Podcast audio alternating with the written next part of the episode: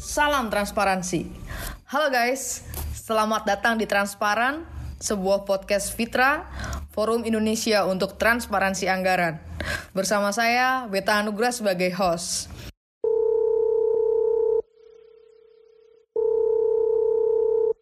Selamat malam muda. Uh, terima kasih untuk waktunya untuk mau saya undang ke podcast episode 4 uh, eh, podcast Fitrada. Jadi podcast ini hmm. di-create oleh Seknas Fitra bukan hanya membahas isu anggaran saja yang memang jadi concernnya Fitra tapi lebih kepada banyak isu ya. Kita bisa ngobrolin tentang lebih santai tentunya tentang uh, kebijakan publik, tentang Eh, isu-isu uh, sektoral gitu ya, uh, layanan dasar atau isu-isu di balik konspirasi elit global kalau kata Bung Vino. Bung Vino itu mm, oh, staff ngeri. di Seknas Fitra ngeri ada bahasanya ya. Ya tapi kita ingin kemas jadi lebih santai, lebih kepada obrolan-obrolan dan uh, ya kali ini uh, terima kasih sekali lagi uh, udah Nanang sudah mau kami undang untuk jadi narasumber uh, podcast keempat ini. Jadi kita sudah empat empat kali berarti ini keempat. Yang pertama itu edisi pertama dengan Pak Sekjen bicara soal anggaran COVID, transparansinya. Kemudian yang kedua itu tentang sosok hakim ad hoc uh, tipikor perempuan di Medan yang beliau adalah uh, mantan koordinator Fitra Sumatera Utara. Kemudian kemarin episode 3 itu kita ngobrol tentang hari kebangkitan dari sisi tenaga kesehatan tenaga kesehatan perempuan yang uh, uh, lahir uh, besar hingga dinas itu di Indonesia Timur, itu di Maumere. Kali ini kita akan ngobrol banyak tentang karena yang lagi panas dibicarakan publik di mana-mana itu tentang uh, gonjang-ganjing hasil tes wawasan kebangsaan bagi uh, pegawai KPK. Nah, dalam hal ini kan uh, eh, KPK tentu menjadi satu lembaga yang paling disoroti di, di Indonesia dan istilahnya menjadi salah satu apa ya? Kalau tubuh itu nggak ada kepala, ya sudah gitu, tidak akan menjadi satu tubuh gitu, dia akan mati. Nah, begitu juga dengan KPK. Jadi KPK memang jadi salah satu lembaga bahkan satu-satunya mungkin ya lembaga anti rasuah yang menjadi uh, penopang utama gitu dalam uh, lini kehidupan berbangsa dan bernegara secara baik, secara beradab di Indonesia ini gitu kan dah. Iya. Oke, eh, teman-teman pendengar sekalian, saya perkenalkan dulu sebelum nanti kita masuk pada pertanyaan-pertanyaan yang mengalir gitu ya. Tapi pertanyaannya nggak sama kayak pertanyaan TWK kan? Tentunya nggak ada. Insya Allah nggak. Jangan ada jebakan Batman di antara kita. Siap dah, bebas hambatan.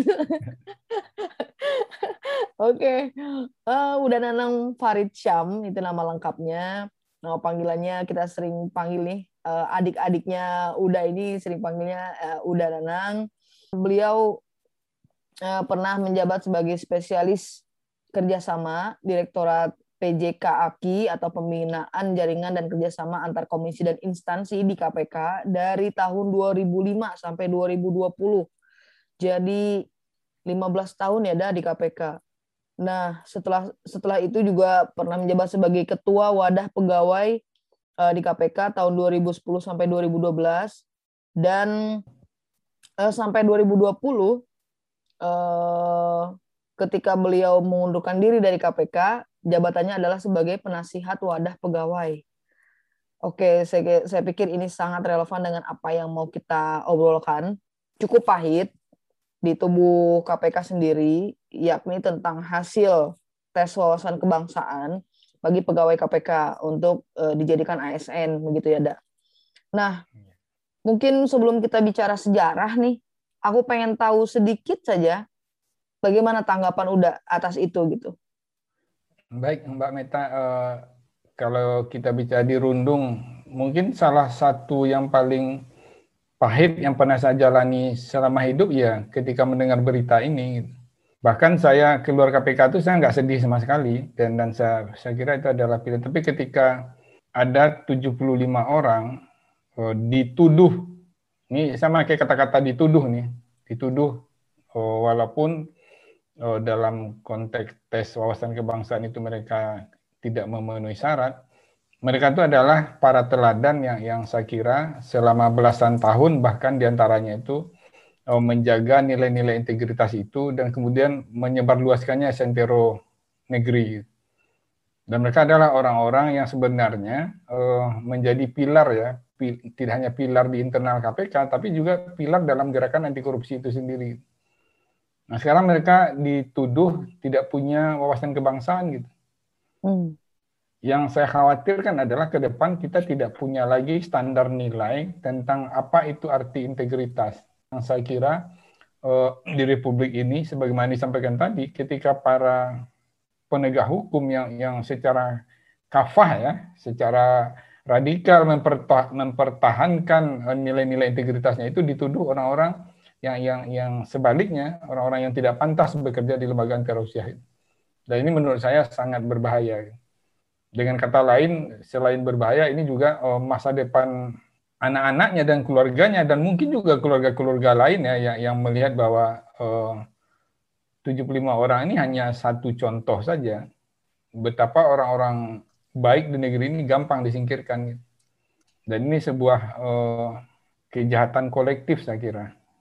Kejahatan kolektif ya, Dak. Itu garis bawah yang patut untuk ditegaskan. Tanggapan yang sangat menarik, tegas, dan padat dari Dananang terkait gonjang-ganjing TWK kepada pegawai KPK. Dan memang sebagian besarnya adalah penyidik ya, Daya? Ya, yang sedang kalau, menangani banyak kasus-kasus besar ya, Dak? Ya, di awal-awal kan udah ada itu berita tentang klaster kan, ada klaster hmm. penyidik, ada klaster penyelidik, ada klaster wadah pegawai, hmm. dan ada klaster orang-orang yang pernah berhubungan langsung atau tidak langsung dengan penanganan kode etik Firly Bahuri. Nah, hmm. jadi kalau kalau ini disebut sebagai sebuah kebetulan, nah, patut diduga ini kan uh, bukan sebuah kebetulan, ini juga union busting kan. Hmm, yeah. Hampir hampir semua penggawa wadah pegawai itu masuk dalam dalam 75 nama 70. itu. Iya. Oke, itu sedikit dulu untuk uh, sebagai pemanas ya obrolan kita ini sama Uda Nanang. Nah, kita ingin tahu nih dulu nih, Dak. Jadi saya kira menarik ya untuk ditarik ke belakang bagaimana sih uh, uh, udah Nanang melihat perkembangan pemberantasan korupsi ya sebelum dan setelah lahirnya KPK dak. Jadi jauh banget nih ke belakang dak. Iya. Nah itu gimana dak? Jadi kalau kalau gerakan anti korupsi ya kita menyebutnya gerakan kalau kita tidak berbasis lembaga sebenarnya sejak Republik ini oh, sebelum kemerdekaan sampai oh, di apa diproklamirkan oleh Bung Karno dan Bung Hatta tentang bagaimana tujuan berbangsa bernegara sebagaimana dimaksud di dalam Undang-Undang Dasar 45. Salah satu poin yang, yang harus kita ingat adalah mencerdaskan kehidupan bangsa. Saya mengutip satu itu saja karena bayang saya gini, ketika bangsa Indonesia ini bisa dicerdaskan dalam berbagai perspektif, tentu orang tidak lagi mau tahu tentang apa itu istilah korupsi. Nah, tapi kenyataannya uh, sejak Indonesia berdiri sampai sekarang itu justru musuh besar kita itu adalah korupsi itu sendiri gitu. Sepakat, sepakat. Ya. Kalau nggak ada korupsi mungkin Fitra juga nggak perlu ada gitu. ngapain ngapain capek-capek ngurusin anggaran kan? Kalau anggaran itu di, dilakukan, di, diperhitungkan secara akuntabel oleh orang-orang hmm. yang yang bekerja untuk pelayanan publik dan tentu ini menjadi tanggung jawab kita semua. Hmm. Kemudian yang kedua, saya ingin uh, bicara latar belakang sejarah berdirinya KPK satu-satunya lembaga yang pernah ada di Republik ini. Dulu di era Soekarno ada namanya uh, lembaga retolling kan, yang dulu dipimpin hmm, langsung oleh kalau saya tidak salah juga kemudian dilanjutkan dengan Komisi 4 yang sudah dipimpin oleh uh, Bung Hatta kan. Hmm. Kemudian berlanjut uh, setelah Indonesia merdeka, uh, Sudomo juga membentuk lembaga yang yang yang kemudian juga Obstip ya, yang berbicara iya. tentang yeah. pemberantasan korupsi di, di sektor militer waktu itu. Kemudian berjalannya waktu ketika uh, kepolisian dan kejaksaan dianggap tidak paripurna dalam dalam mengentaskan pemberantasan korupsi ini, Gus Dur membuat kebijakan membentuk tim tas tipikor kan. Nah, tapi umur lembaga-lembaga itu tidak lama gitu. Hmm. Nah, jadi kan saya tidak tahu apakah karena politik atau karena lembaga itu tidak dipersiapkan secara serius sehingga umurnya ya paling lama 2 3 tahun bubar gitu. Nah, dan dan cikal bakal KPK hari ini ya yang yang yang sudah uh, bertransformasi menjadi KPK baru ya pasca revisi Undang-Undang uh, 30 2002 menjadi Undang-Undang 19 2019 ini ada namanya KPKPN cikal bakal KPK uh, eh, sebelum revisi gitu. Nah, di mana uh, dispesifikkan pada waktu itu untuk mengurus uh, kekayaan ya penyelenggara negara gitu. Ya. Jadi KPKPN ini memang dibentuk sebagai komite yang yang mengurus pencatatan pendaftaran kekayaan penyelenggara negara. Karena hmm. pada waktu itu kita berpikir semua uh, pejabat atau penyelenggara negara itu harus diawasi uh, penghasilannya, gitu, kekayaannya sehingga negara bisa uh, memastikan bahwa tidak ada dana negara yang dikorupsi. Kira-kira itu hmm cikal bakal berdirinya KPK. Tapi pasca reformasi, ya. masyarakat Indonesia kan nggak puas dengan uh, kerja-kerja Orde Baru kan? Iya. yang, yang, yang, yang kemudian secara masif masyarakat sipil waktu itu bersepakat untuk uh, meruntuhkan hegemoni Orde Baru ya uh, dengan uh, gerakan reformasi. Singkat cerita, pasca reformasi 98 berdirilah uh, lembaga KPK oleh uh, para dedengkot ya, saya menyebutnya dedengkot, dedengkot eh, masyarakat sipil anti korupsi yang satu dua di antaranya kemudian eh, terpilih ya menjadi eh, pimpinan KPK jilid satu. Siapa yang saya sebut satu di antara dua itu ya salah satunya Pak Taufikur Rahman Luki, ada Pak hmm. Eri Harja Pamengkas, ya. ada Pak Sarudin Rasul, ada Pak Amin Sunaryadi, dan eh, ada Pak Tumpah atau orang Pengaben yang hari ini menjadi eh, ketua dewas kan. Nah, dan mereka itulah sebenarnya sebagai peletak dasar KPK hari ini. Gitu. Nah, tapi kan yang terjadi kalau ditanya kepada saya sebagai angkatan pertama di KPK, saya kebetulan masuk di uh, rekrutmen Indonesia memanggil satu oh, tahun nih tahun 2005. Nah, saya dilantik 16 Desember 2005. Kemudian uh, saya menilai kalau mau dibandingin ya, Yeah. Era KPK jilid 1 kalau dibandingkan dengan er, era KPK jilid 1 pasca reformasi ini ya jauh berbeda. KPK yang dulu independen ya sekarang ya tidak independen karena KPK hari ini kan di bawah uh, eksekutif. Iya, itu dia. Masuk masuk dalam rumpun eksekutif. Artinya kalau kita mau bicara independen dan dan hari ini 1 Juni 2021 pas hari Pancasila Eh, kawan-kawan saya yang masih bertahan di dalam kan dilantik sebagai ASN. Iya. Hmm.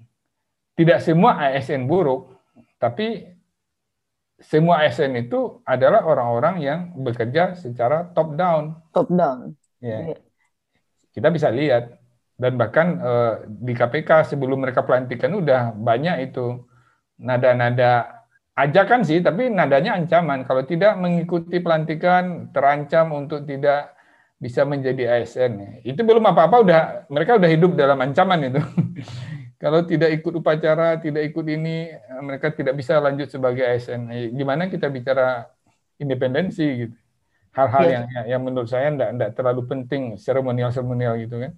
Ya. Tapi tapi inilah yang terjadi. Jadi sejarah pemberantasan korupsi itu sendiri sebenarnya adalah sejarah bagaimana negara tidak boleh takluk hmm. oleh hegemoni kekuasaan. Itu sebenarnya sejarah berdirinya KPK itu. Nah, makanya orang-orang yang yang terpilih di KPK itu dulu sederhananya hanya hanya apa indikator pemilihan mereka itu masyarakat Indonesia. Yes. Uh, kemudian pilihannya adalah berintegritas dan dan tidak ada syarat lain waktu itu. Tidak ada syarat, tidak ada syarat IPK. Iya, tidak ada syarat IPK, nggak ada syarat jurusannya harus apa enggak. Nah makanya waktu itu kalau saya tidak salah ingat ya ada seratusan ribu orang mendaftar waktu itu. Saya tidak tahu tidak ingat persis ya. Nah sementara yang diterima waktu itu hanya 130-an. Nah, ada tujuh tahapan yang yang yang kami lalui waktu itu untuk untuk menjadi pegawai di KPK. Nah dan bahkan ketika lulus pun kami dididik di secapa Polri hmm. dengan dengan materi-materi yang tentu isinya sebagian besar adalah tentang Undang-Undang Dasar 45, tentang Pancasila, tentang nilai-nilai integritas itu sendiri dan sebagian ya tentu karena kami adalah pegawai yang yang diharapkan bisa langsung running bekerja ya tentu pelajaran-pelajaran yang bersifat teknis seperti pemahaman tentang anti korupsi itu sendiri gitu. Pemahaman tentang bagaimana investigasi modern itu dilakukan oleh lembaga anti rasuah seperti KPK gitu. Nah, jadi bisa dibayangkan kalau berbicara kenapa kawan-kawan yang 75 itu dianggap radikal ya karena dari dulu itu memang diajarkan kita tuh persisten kalau pimpinan salah kita kritik jadi kita tidak takut ke orang kita takut ke sistem kita takut ke polisi kita takut kepada etik gitu makanya waktu KPK jilid lama ya sebelum undang-undang revisi kita berdebat kencang dengan pimpinan sesama pegawai dengan uh, struktural atasan kita itu hal yang biasa tapi hari ini kan yang ada apa? Yes. Yang yang dipertontonkan dalam mereka apa? Anti kritik kan? Iya. Yeah. Jadi kalau kita bawahan, kita pegawai nggak boleh kritik atasan gitu. Nah, dan inilah yang sebenarnya bertentangan dengan nilai-nilai reformasi yang yang diperjuangkan oleh kawan-kawan uh, angkatan 98 dan sebelumnya yang yang diperjuangkan oleh uh, para uh, pendiri KPK itu sendiri. Nah, artinya gini ada. Artinya yang mendorong, berarti kan yang mendorong eh, lahirnya KPK itu apakah karena komitmen pimpinan negara pada masa itu ya Daya? Apakah juga ada dorongan masyarakat sipil atau desakan dunia internasional yang paling dominan tuh yang mana, Da? Apakah ya, ketiganya ini? Ya, gimana? Sebenarnya tiga-tiga hal itu oh, beririsan gitu. Hmm. Ya kan KPK juga meratifikasi kan bangsa Indonesia meratifikasi undang-undang anti korupsi PBB kan? Iya. Nah, sehingga itu menjadi dasar juga. Kemudian e, masyarakat sipil waktu itu memang udah udah jenuh dengan korupsi hmm. Orde Baru kan. Yeah. Makanya terjadi gerakan reformasi kan. Hmm. Yang salah satu tuntutan di 10 tuntutan reformasi itu kan ada penegakan hukum. Yes. Penegakan. Nah, dan dan salah satu yang lain adalah e, memberantas korupsi, kolusi dan nepotisme yang dilakukan oleh e, Orde Baru pada waktu itu gitu. Nah, sehingga berjalannya waktu kan para uh, senior-senior kita di gerakan anti korupsi menyuarakan uh, sebuah gerakan bersama ya untuk membentuk lembaga anti rasuah gitu. Nah, sehingga terbentuklah KPK. Nah, makanya uh, kalau ditanya sekarang uh, KPK ini lahir di era siapa? Nah, ada yang mengklaim kan lahir di era Megawati katanya. Yeah. Ketika KPK lagi baik-baiknya diklaim. Tapi sebenarnya gagasan ini lahir di era Gus Dur. Nah, tapi sekarang KPK mati di era siapa? nah, inilah yang, yang, yang menurut saya menjadi uh, ironi ya, ironi ya bahwa lembaga sebaik KPK yang yang dibangun dengan cita-cita besar, cita-cita mulia, cita-cita luhur, hancur berkeping-keping hanya karena ingin melindungi oligarki. Yes. Nah nanti kita kita akan cerita siapa hmm. itu yang dilindungi di dalam proses ini. Oke. Okay. Oke, okay. sebelum cerita ke sana itu itu itu akan menjadi uh, penutup nih dak kayaknya ya cerita itu. Nah, dari pendiriannya pendirian KPK sendiri ndak sebenarnya yang jadi referensi itu tadi kan udah cerita ya uh, dulu pernah ada uh, khusus untuk uh, kepegawaian penanganan uh, korupsi di kepegawaian kemudian kemiliteran nah artinya sejak awal itu negara mana yang jadi referensi Indonesia membentuk KPK dan uh, ya uh, udah tadi sudah bicara tentang uh, sedikit ya ya tentang periodisasi ketika uh, Orde Baru gitu ya, ketika reformasi. Nah, kalau dilihat per per presiden lah ada ya. Nah, kiprah KPK ini saat di rezim Megawati, kemudian SBY dan Jokowi lah ya, ada ya. Uh, itu seperti apa, Dak? Jadi gini, kami kan tentu tidak tidak berpatokan kepada rezim kepresidenan kan. Kami berpatokan kepada amanah undang-undang. Tapi nggak apa-apa sebagai benchmark aja di era siapa KPK itu oh, bisa bekerja maksimal gitu kan. Itu jejak digitalnya bisa dibuka secara gamblang sekarang sebenarnya. Nggak ada yeah. yang yang bisa ditutupi dengan dengan uh, teknologi hari ini. Yeah. Jadi lima tahun pertama KPK itu memang kalau saya menyebutkan era pembangunan fondasi KPK itu. Kita membangun sumber daya manusia yang mumpuni, yang hari ini terbukti orang-orangnya tidak gampang di apa, tidak gampang diolah, tidak gampang hmm. dibujuk, tidak hmm. gampang dipengaruhi, karena mereka uh, adalah orang-orang yang secara persisten itu terbangun uh, nilai-nilai yang, yang hmm. diajarkan di jilid satu. Itu. Ya.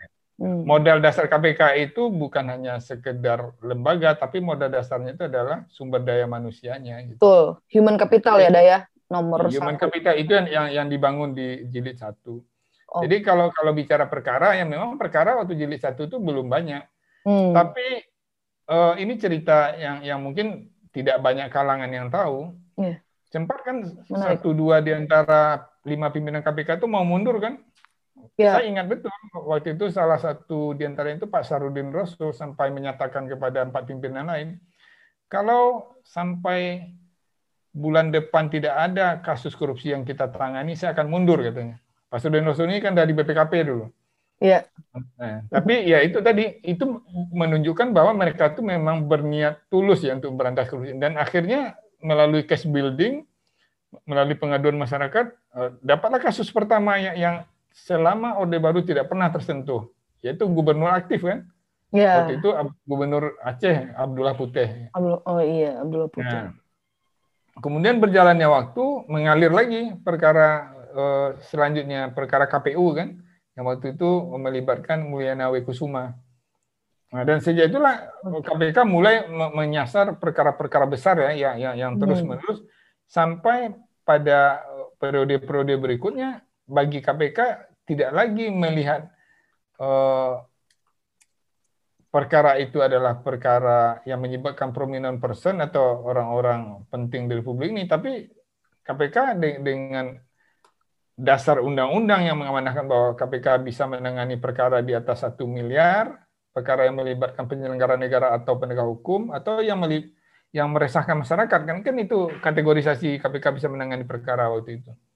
Nah, sehingga iya. lima tahun pertama plus lima tahun kedua yang sempat ada gonjang ganjing kan, waktu itu Pantasari hanya mimpin satu tahun karena ada perkara kriminal yang yang yang yang kemudian dialami beliau ya waktu itu di luar di dalam konteks uh, korupsi sebenarnya perkaranya kan, tapi kan ini tidak bisa lepas sebenarnya bahwa di iya. balik itu semua ada ada faktor-faktor politik, ada faktor balas dendam dan lain-lain yang, yang saya kira ini juga sebuah skenario besar ya yang, yang yang mulai melihat bahwa KPK ini adalah lembaga yang strategis ini.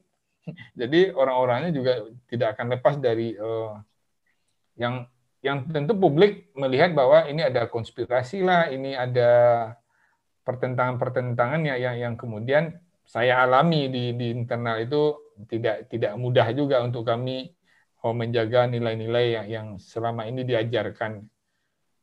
Karena kan di dalam KPK Jilid 1 itu kan ada polisi, ada jaksa, ada pegawai dari Kementerian Keuangan, dari BPKP yang diperbantukan kan? Iya. Enggak, iya. Iya kayak saya kan dari dari swasta kan, saya dari NGO dulu kan. Iya. Jadi orang dengan latar belakang berbeda-beda itu disatukan dalam satu kultur yang kita yes. sebut sebagai kultur KPK. KPK. Gitu. Nah inilah yang yang membuat KPK KPK jilid satu itu menurut subjektivitas saya ya itulah KPK terbaik gitu. Ya hmm. mungkin saya menyebut terbaik karena kita waktu itu jujur saja tiga bulan pertama itu yang yang yang saya dengar dari pimpinan itu mereka bekerja tidak mikirin gaji. Mereka tuh bekerja pakai dana mereka nyebutnya mantap itu. Mantap itu makan tabungan gitu. Jadi hmm. kan rata-rata di antara mereka itu kan orang-orang orang-orang yang, yang sudah selesai lah dengan dengan urusan uh, materi pribadi ya. Yeah. Nah, mereka mungkin tidak tidak uh, ini juga tidak berlebihan juga, tapi yeah. cukuplah untuk untuk uh, membangun gerakan anti korupsi secara uh, sederhana. Itu mereka rapat di lobi-lobi hotel waktu itu. Oh. Ini cerita pimpinan ya. yeah. Karena kantor Tran dan Juanda itu waktu KPK jenis satu kan. Iya. Jadi biar kelihatan elit ya mereka rapat-rapat di lobi-lobi hotel itu tinggal pesan kopi, pesan makanan, ya udah rapat di situ gitu dengan biaya pribadi. Dan saya pun mengalami ketika dilantik tahun 2005 itu gaji kami itu persekot. Baru setelah satu tahun diperjuangkan, baru kami mendapatkan profil gaji yang, yang sesuai dengan apa oh, skema yang diajukan oleh Kementerian Keuangan. Saya bercerita ini bercerita girahannya nih, girah perjuangannya gitu. Jadi kita nggak nggak mikirin berapa gaji waktu itu. Ya udah, banyak juga orang yang yang turun apa terjun payung gajinya kan Yeah. Yang tadinya yang tadinya direktur utama salah satu BUMN kemudian bekerja di KPK ya pasti turun gajinya. Ada hmm. direktur di bank swasta ketika gabung KPK juga turun. Ada ada orang-orang profesional yang yang tidak mikirin gaji gitu, memang pengen berkontribusi gitu. Yeah. Jadi memang Jadi, dari latar belakangnya bermacam-macam ya, Daya. Dan ya kebanyakan yang sudah banyak berkiprah justru di lembaganya masing-masing, kemudian memiliki apa dah hasrat untuk memperbaiki kondisi ya, ya terutama kondisi korupsi ini ya di Indonesia menarik sekali iya. sih. Itu keren Jadi, banget. Kayak saya ini kan orang daerah nih. Saya kan mendaftar KPK 2005 itu kan dari daerah nih. Jadi hmm, ketika kami yeah. bercerita ada ya dan berkumpul da da dalam dalam sebuah forum pelatihan ya, kan masing-masing bercerita tuh kayak saya tuh kan sempat satu forum dengan Pak Ade Raharja kan yang kemudian menjadi salah satu deputi di di KPK jilid awal kan deputi penindakan KPK pertama itu. Nah, ada beliau jenderal bintang satu waktu itu, tapi orangnya low profile. Kita seperti tidak sedang berhadapan sama jenderal gitu. Jadi hanya penghormatan kita sebagai manusia aja terjadi. Kita berdialog keras, kita berdiskusi keras, tapi kita tidak ada jarak itu jadi kita juga tidak manggilnya jenderal, kita manggilnya Pak Ade. Jadi ini contoh aja nih. Yeah. Dan, dan begitu egaliter KPK jilid awal itu. Oh, Kalau iya. dibandingkan se sekarang udah nggak ditemukan itu. Justru iya ya deh ya. Jadi seperti yeah. lebih di apa? Iya ditarik menjadi sesuatu sesuatunya jadi lebih kaku jadinya ya deh ya. Karena secara struktur dan sifat lembaganya sendiri sudah sudah berbeda saat ini ada ya. Kalau saya bisa banyak cerita karena saya di jilid satu itu saya men, hampir mendampingi betul, semua, ya. semua pimpinan kalau jalan hmm. ke daerah itu. Hmm. Mereka ke daerah itu mau naik angkot, ayo, mau hmm. Ngopi di pinggir jalan, ayo. Sekarang mana gitu ajudan aja sekarang empat. Eh, kalau jalan ke mana-mana ada juga yang yang diiringi oleh foreider bahkan bahkan di internal KPK sekarang juga udah ada patwal-patwal gitu. Bahkan acara-acara internal ajudannya masih aja seliuran karena sini. Jadi ini ada apa ini nggak nggak memberikan yeah. contoh teladan ini. Saya hmm. bisa ngomong ini karena saya mengalami semua hmm. Semua oh, pimpinan ada ya. Pimpinan itu termasuk sampai ke Firly yang terakhir saya ngalamin yeah. gitu. Yeah. Jadi dengan terang benderang saya bisa menjelaskan perbandingan-perbandingannya. Jadi bukan bukan sesuatu yang subjektif karena yes. terukur semuanya. Kondisi KPK saat ini uh, di bawah kepemimpinan uh, Pak Firly Bahuri itu seperti apa dah? Di mana kelebihannya, di mana kekurangannya? Nah, hal apa yang menjadi evaluasi besar? uh, itu mungkin bisa diceritakan dah dan dan ini dah ada yang mengatakan ya bahwa KPK itu kan bersifatnya ad hoc kalau tadi kan udah udah sampaikan ya uh, independen gitu ya dah ya nah harusnya pemberantasan korupsi itu tetap dipegang oleh lembaga kepolisian dan kejaksaan ini ada yang merangkapan seperti itu. Jadi KPK itu sifatnya ad hoc dan penanganan perkara itu dipegangnya oleh kepolisian dan kejaksaan. Nah, bagaimana nih menurut Uda? Gitu. Tentunya itu kan kebijakan yang saat ini ada ya. Saat ini ya. E, nyambung kepada yang tadi yang aku tanyakan gimana kondisi di bawah kepemimpinan Fili Bahuri yang sepertinya dari awal pemilihan ketua KPK yang baru pun eh, banyak sekali gonjang-ganjing permasalahannya ya, ya. Kalau saya kan tidak lama di bawah kepemimpinan Firly kan. Iya, iya. Setahun, setahun saya udah cabut karena saya memang nggak nggak pengen dipimpin oleh orang yang cacat etik. Hmm. Jadi jujur aja eh, kalau ditanya kelebihan saya nggak tahu kelebihannya apa. Kecuali hmm. dia begitu, begitu pede ya setelah setelah keluar KPK karena pelanggaran etik kemudian masuk lagi ke KPK menjadi pimpinan KPK. Nah ini kan sebuah ironis ya, Dek. Kepercayaan diri yang besar mungkin itu kelebihannya hmm. gitu. Tapi jujur saja ini ini tidak ada urusan personal di antara kita karena kan yes. saya uh, berbicara gini kan bicara tentang nilai-nilai. ya, Iya. Kita menghormati semua orang yang yang yang masuk KPK gitu. Yes. Tapi tentu dengan uh, prosedur dan kriteria yang yang yang terukur dan tepat. Nah, ini yeah. publik kan bisa lihat itu bagaimana penolakan pegawai KPK ketika Firly mau masuk kan? Iya, itu dia. Ya, itu yang jadi ramai di awal. Iya. Dan mereka yang yang hari ini tidak lulus TWK itu ya frontliner di di ah, di, gerakan itu waktu itu ya, ya, ya mereka juga orang-orang yang kemudian membuat petisi ya penolakan ya. karena ada uh, sesuatu di internal KPK yang yang menurut mereka tidak patut dilakukan oleh seorang deputi waktu itu. Mm-hmm. Jadi jadi saya kira kejadian hari ini uh, menunjukkan bahwa apa yang yang yang menjadi ini ya menjadi perhatian publik itu diabaikan gitu. Mm bahkan perintah presiden kan? Ya. Ya untuk tidak serta merta. Walaupun saya juga bingung pidato presiden tuh arahnya ke mana gitu. tapi tapi kan jelas artinya. Iya.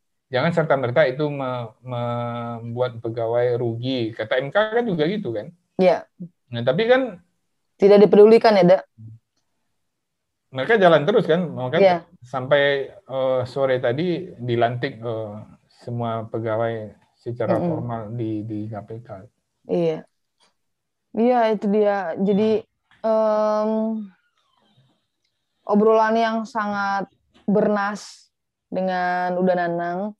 Dan barangkali ada hal lain da, yang mau disampaikan, yang mau diceritakan terkait uh, artinya dengan kondisi saat ini yang ya kita sebagai publik uh, artinya jadi apatis gitu ya deh ya. Jadi pada akhirnya um, kita pun uh, atau publik kalau yang dilihat di di media sosial terutama ya deh ya.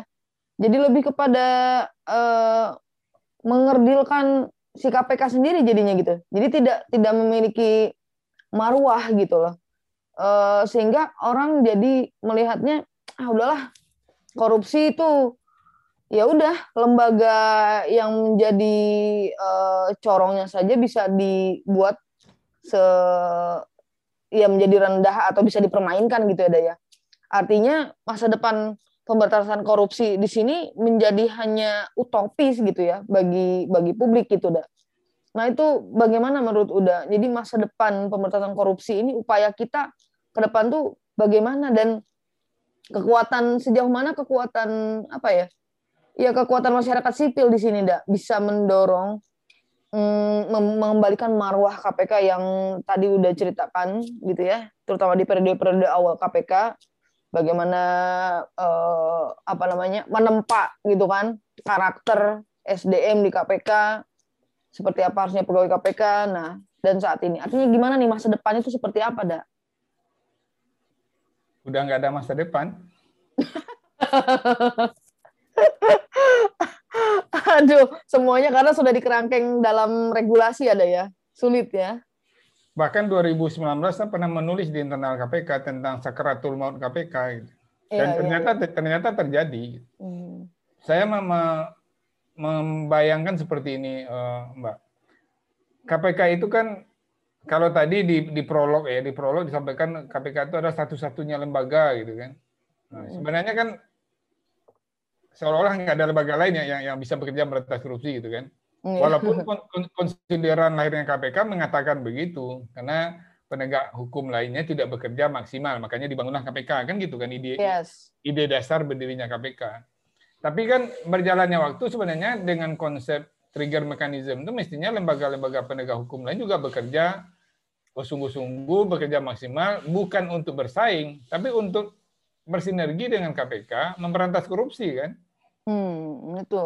Nah, tapi faktanya adalah ketika KPK mulai menyentuh penegak hukum, KPK mulai menyentuh oh, pengusaha-pengusaha besar yang yang berafiliasi dengan penegak hukum, nah, yang yang kemudian kita sebut sebagai oligor-oligor itu, oligarki itu, dan dan kemudian KPK menangani sektor minerba, sektor tambang, sektor sumber daya alam, nah, mulailah terjadi kriminalisasi pimpinan KPK dengan berbagai dalih alasan. Dalih. Uh, ya, ya, ya. Dan, dan dan ini kan tidak tidak bisa lepas sebenarnya dari dari peristiwa yang yang yang dialami oleh KPK sebagai garda terdepan pemberantasan korupsi gitu. Dan contoh-contoh seperti ini terjadi di banyak negara. Nggak usah jauh-jauh lah Malaysia. Hmm. Malaysia itu sempat itu oh, ketua oh, MICC itu juga sempat dikriminalisasi dan dan di era Najib kan sempat diberhentikan. Hmm. Tapi ketika Mahathir Muhammad kembali menjadi, menjadi perdana menteri, perdana menteri. Di, diangkat lagi jadi ketua hmm. KPK-nya Malaysia gitu. bahkan ada jaksanya yang yang dicor mati kan, dicor di dalam sebuah drum oh, karena mengungkap kasus MDJS di apa kasus besar di di Malaysia pada saat itu. Di Nigeria juga pernah terjadi sampai uh, ketua KPK-nya harus melarikan diri, menyelamatkan diri untuk dapat suaka di negara lain. Hmm. Nah, yang terjadi di KPK hari ini yeah. itu sudah kita prediksi lama karena yang kita lawan itu siapa? Kita lawan itu orang berkuasa, yeah, yeah. orang punya duit, yeah, orang yeah. yang jaringannya juga nggak nggak kalah hebat dengan jari dibandingkan dengan jaringan penegak hukum. Kenapa? Hmm. Mereka mereka menguasai peradilan, mereka menguasai orang-orang penting di republik yes. ini. Hmm. Sehingga bagi mereka tinggal menunggu waktu saja KPK ini uh, di, dihabisi. Yeah, yeah. Kalau kalau kita lihat catatan sejarah kan revisi undang-undang KPK itu bukan bukan kemarin-kemarin aja diusulin, ini udah sejak hmm. 2008 itu. Hmm. Jadi bahkan di KPK jilid satu pun revisi undang KPK itu udah diusulin karena mereka menganggap oh ini kayak membesarkan anak ular ini lama-lama bisa gigit kita nih gitu. Ternyata terbukti semakin besar KPK semakin kokoh dengan undang-undang yang sebenarnya belum sempurna itu saja KPK bisa bekerja maksimal. Nah, padahal undang-undang 30 2002 itu sebenarnya masih masih bisa direvisi untuk diperkuat gitu. Iya. Nah, satu di antaranya tentang pembuktian beban terbalik misalnya. Oh, bagaimana kalau di Amerika itu kalau tidak salah saya kalau ada orang kaya tidak sesuai dengan profil dan pendapatan dia sebagai pegawai negeri sipil misalnya, ya, ya. negara tanya itu, ini uangnya dari mana nih bisa beli Ferrari, bisa beli hmm. rumah mewah nih. Nah, dia harus membuktikan gitu. Kalau hidup sendiri uang uang kekayaannya itu disita untuk negara. Gitu. Iya. Nah, kita harusnya meratifikasi itu, tapi kan ini belum terjadi. Kenapa? Ya penguasa hari ini orang-orang yang duduk di legislatif di mana bisa diangkat oleh KPK. Karena kan kita lihat tuh pejabat-pejabat kita kan amazing-amazing di kekayaannya kan. Yes. Pegawai negeri bisa punya rumah mewah, punya mobil mewah di mana-mana.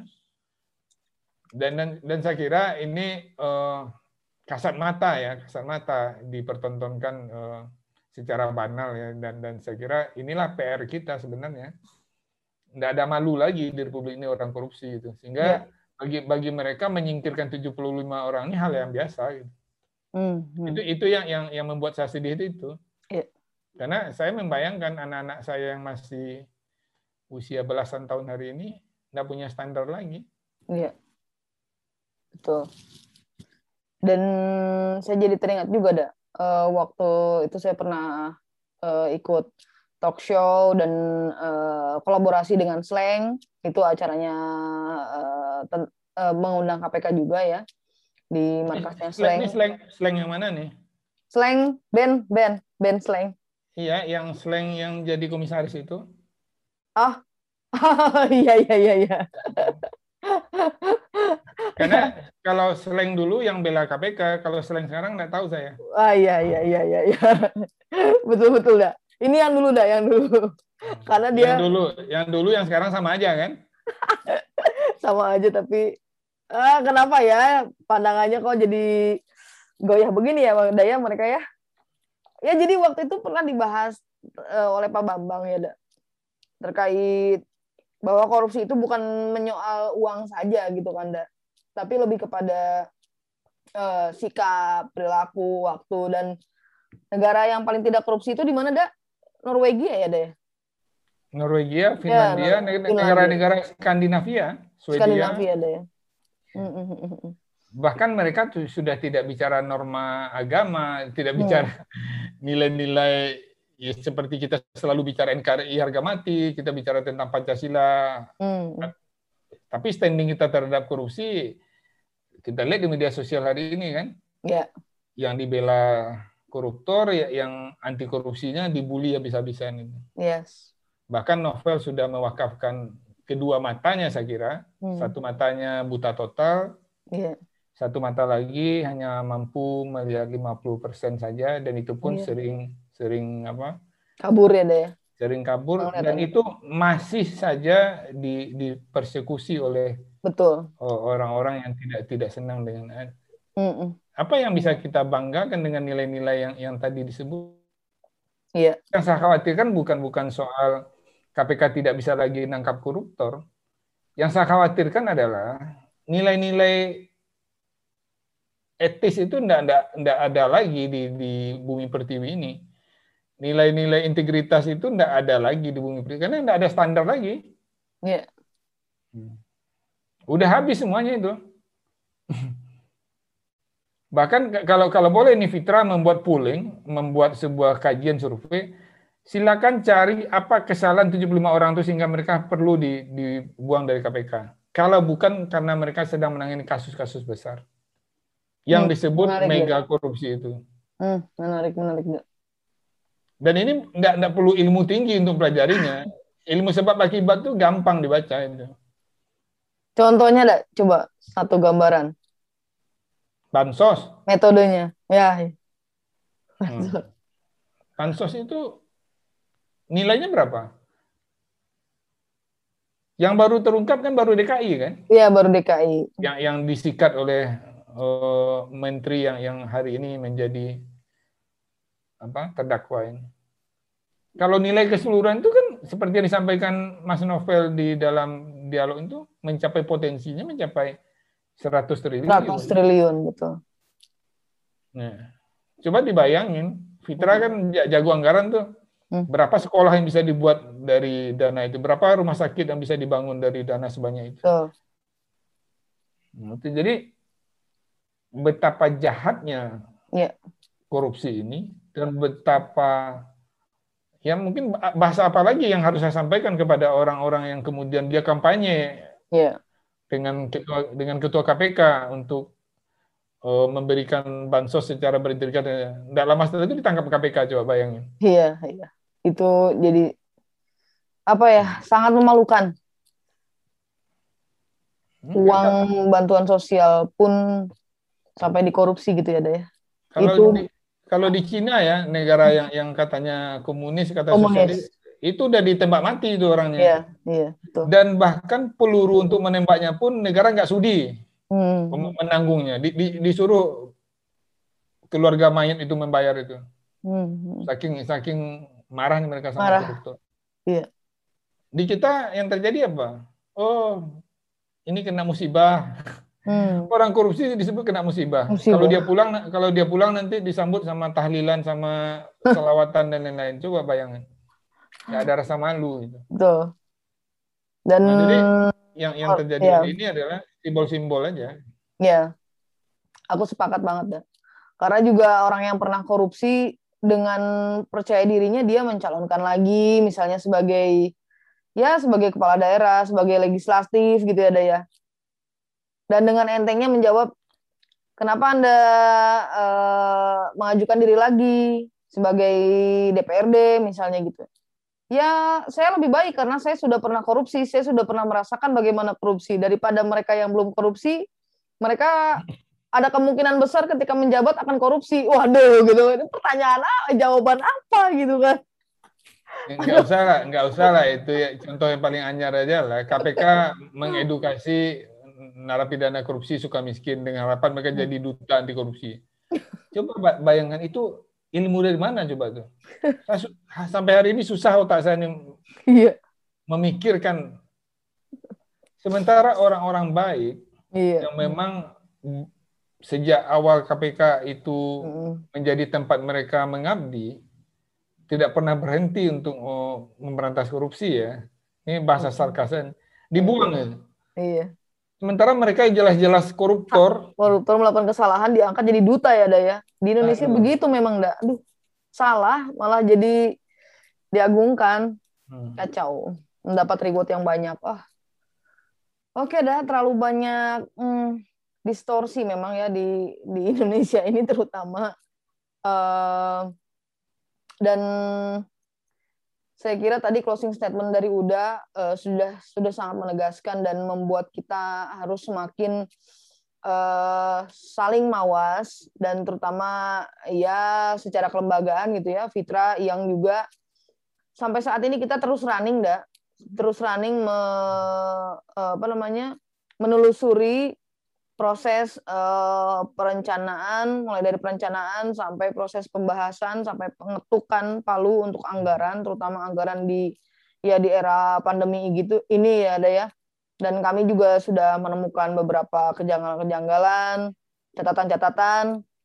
Dan ya inilah butuhnya kita dialog uh, dialog santai untuk mengurai seperti apa sebetulnya hmm, terutama uh, apa saja uh, kalau istilahnya kan degradasi gitu ya Daya dari uh, yang dulu KPK awal berdiri hingga saat ini gitu ya perjalanannya seperti apa. Ini kami pikir publik perlu tahu gitu ya untuk uh, jangan hanya melihat saat ini gitu. Apalagi uh, bagi um, apa ya kaum milenial gitu ya Daya. Itu kan literasi terhadap korupsi, literasi terhadap hmm. lembaganya yang yang uh, menjadi uh, garda terdepan pemberantasan korupsi ini ya harus harus harus dikenal gitu. KPK harus lebih dikenal bukan hanya uh, di tahun-tahun yang saat ini gitu, tapi uh, harus kenal dari dulu kenapa KPK uh, harus berdiri di Indonesia. Itu dah mungkin dari uh, obrolan ini. Kalau boleh, ya boleh siap. Usul. Boleh, boleh, boleh, boleh sekali. Kalau boleh Sekali, usul. Sekaligus closing statement ya, Dak. Oke. Okay.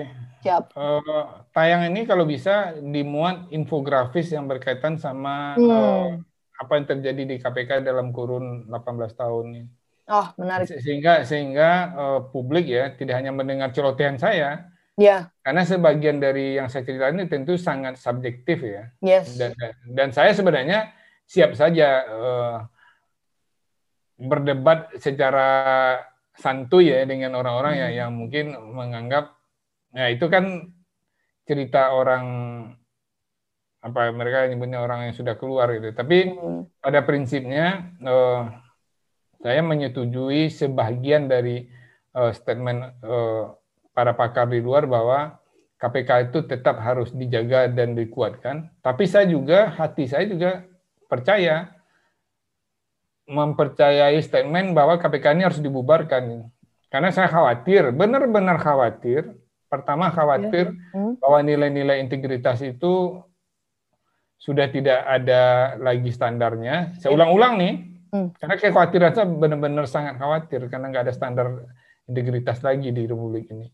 Kemudian yang kedua saya takut KPK itu menjadi alat untuk memenangkan satu atau sekelompok orang yeah. dan menjadi alat bagi mereka untuk menyingkirkan satu atau sekelompok orang yang berbeda pandangan dengan mereka. Mm -hmm. Baik secara politik, yeah. karena pilpres mau udah dekat nih. Yeah. Ini akan berkaitan langsung atau tidak langsung dengan uh, perebutan kekuasaan di 2024. Yeah. 24. Hmm. Kalau KPK kehilangan orang-orang berintegritas, udah KPK ini akan jadi alat itu. Yeah. Nah, makanya pada satu titik saya ingin menyampaikan kepada kita semua, penting bahwa menjaga organisasi itu bukan sedang menjaga orang, tapi kita sedang menjaga akal sehat kita, menjaga nalar hmm. kita untuk terus uh, melihat bahwa kebenaran itu harus tegak setegak-tegaknya tanpa Pancasila pun sebenarnya kebenaran itu harus mutlak menjadi dasar berpikir kita dan kita harus adil oh. dalam pikiran. Jangan lupa follow Instagram kita di @seknaspitra dan kunjungi website kita www.seknaspitra.org.